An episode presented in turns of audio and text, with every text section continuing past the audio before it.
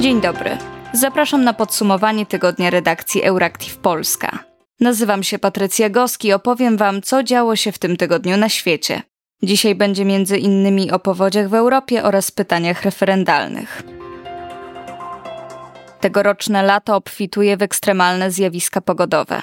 Na południe Europy, między innymi na Rodos i Korfu, niedawno dochodziło do ogromnych pożarów. Natomiast w zeszłym tygodniu w Słowenii rozpoczęła się największa w historii powódź. Z tym samym problemem walczy teraz również Norwegia. W wyniku powodzi w Norwegii ewakuowano już około 4000 osób.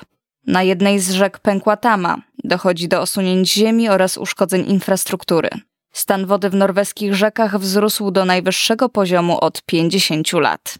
Zarówno Norwegia, jak i Słowenia zaczynają już szacować straty odniesione w czasie powodzi. W zeszłym tygodniu premier Robert Golob przyznał, że koszt walki ze skutkami katastrofy przekroczy 500 milionów euro. Donald Tusk przedstawił listy wyborcze Koalicji Obywatelskiej. Największą niespodzianką na opublikowanych listach wyborczych Koalicji Obywatelskiej była obecność Michała Kołodziejczaka z Agrounii, który został jedynką w Koninie. Chciałbym z wielką satysfakcją poprosić tutaj na scenę tych, którzy uznali te same priorytety za własne i z którymi pójdziemy na ten bardzo poważny, z optymizmem w sercach, bój o przyszłość Polski. Podjęliśmy decyzję o starcie w tej kampanii na listach wspólnie z innymi środowiskami. Poproszę na scenę pana Michała Kołodziejczaka z Agrounii. Lider Agrounii zadeklarował natomiast, ja zdaję sobie sprawę z powagi tych wyborów. Osobiste ambicje, pojedyncza gra. Wiem, że ona nie przyniesie sukcesu. I wiem, że to są takie zawody, w których tylko nasze wspólne działanie przyniesie sukces. Wśród kandydatów do Sejmu znaleźli się Michał Kołodziejczak, Bogusław Wołoszański i Apoloniusz Tajner.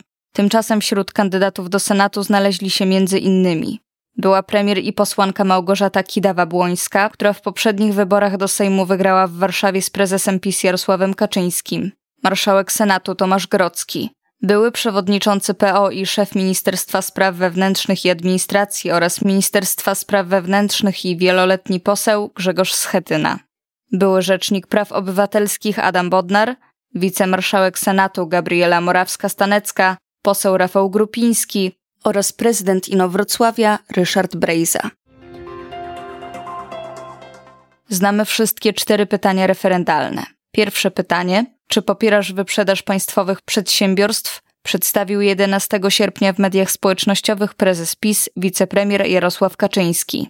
Drugie: czy jesteś za podwyższeniem wieku emerytalnego wynoszącego dziś 60 lat dla kobiet i 65 dla mężczyzn? Następnego dnia przekazała tą samą drogą była premier, a obecnie europosłanka PiS Beata Szydło. Trzecie pytanie, które brzmi: czy popierasz przyjęcie tysięcy imigrantów z Bliskiego Wschodu i Afryki zgodnie z przymusowym mechanizmem relokacji narzuconym przez biurokrację europejską? Ujawnił w niedzielę rano w specjalnym spocie premier Mateusz Morawiecki. Z kolei czwarte pytanie, przedstawione 14 sierpnia przez ministra obrony narodowej Mariusza Błaszczaka, brzmi: czy popierasz likwidację bariery na granicy Rzeczpospolitej Polskiej z Republiką Białorusi? Agencja Bezpieczeństwa Wewnętrznego zatrzymała dwóch Rosjan, którzy kolportowali w Krakowie i Warszawie materiały zachęcające do dołączenia do grupy Wagnera. Mężczyźni usłyszeli już zarzuty. Naklejki miały logo organizacji i napis We are here, join us i kod QR przekierowujący do rosyjskiej strony internetowej. W sumie mężczyźni mieli rozkleić około 300 ulotek w obu miastach. Rzecznik prasowy prokuratury krajowej poinformował, że zatrzymanym postawiono zarzuty działania na rzecz obcego wywiadu przeciwko interesom Rzeczpospolitej, udziału w międzynarodowym związku przestępczym o charakterze zbrojnym, mającym na celu popełnianie przestępstw o charakterze terrorystycznym, prowadzenia naboru do służby najemniczej oraz propagowanie zbrojnych symboli Federacji Rosyjskiej w Ukrainie. Sąd zastosował wobec mężczyzn tymczasowe aresztowanie. Za zarzucane czyny Rosjanom grozi do 10 lat pozbawienia wolności.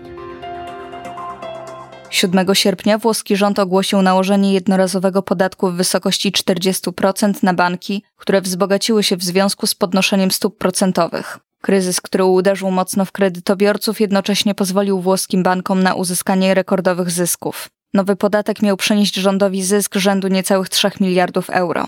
Okazało się jednak, że już następnego dnia decyzja uległa modyfikacji. Premier Giorgia Meloni stwierdziła, że to ona odpowiada za decyzję o nałożeniu podatków na banki i bierze za nią na siebie pełną odpowiedzialność. Zrobiłabym to ponownie, ponieważ uważam, że odpowiednie kroki muszą zostać podjęte. To decyzja, którą podjęłam samodzielnie. To wrażliwa kwestia i biorę za nią pełną odpowiedzialność. Stwierdziła Meloni w rozmowie z włoskimi dziennikarzami.